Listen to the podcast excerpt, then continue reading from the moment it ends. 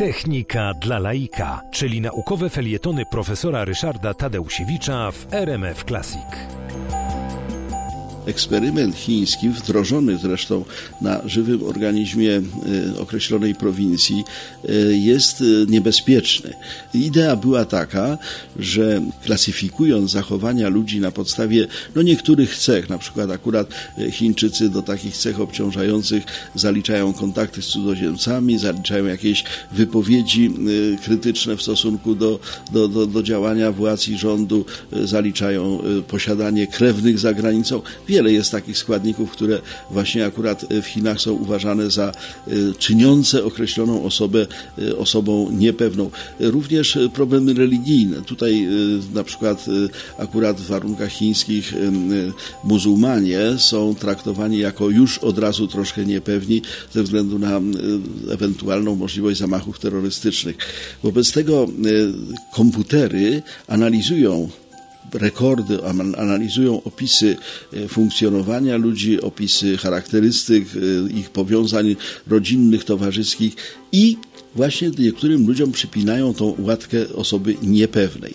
E, to jest bardzo uciążliwe w przypadku Chin i Chińczyków, dlatego że kraj jest bardzo silnie zbiurokratyzowany, kraj jest bardzo silnie no, nadzorowany policyjnie i w związku z tym taka osoba, której komputer przypisał złe intencje, ona nie musiała jeszcze zrobić nic złego, ale zgodnie z pewnym algorytmem jest podejrzana.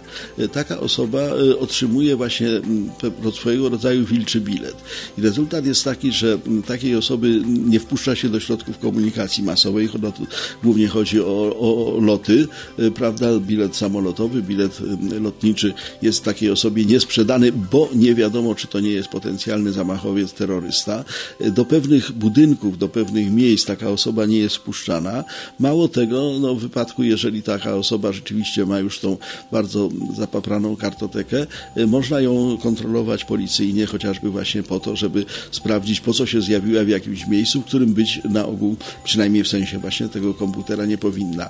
E, Chińczycy na początku podnieśli się do tego dość obojętnie, e, ale potem podniosły się bardzo poważne protesty, przy czym co zabawne, mianowicie news. Twórcy tego systemu e, uważali go za antykorupcyjny. To znaczy, e, komputera nie da się przekupić, komputera nie da się przekonać.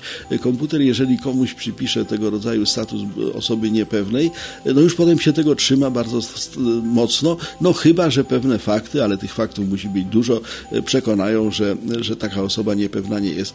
Z urzędnikiem było łatwiej. Można było dać łapówkę, można było przekonać, można było wziąć na litość. No, komputer jest bezlitosny.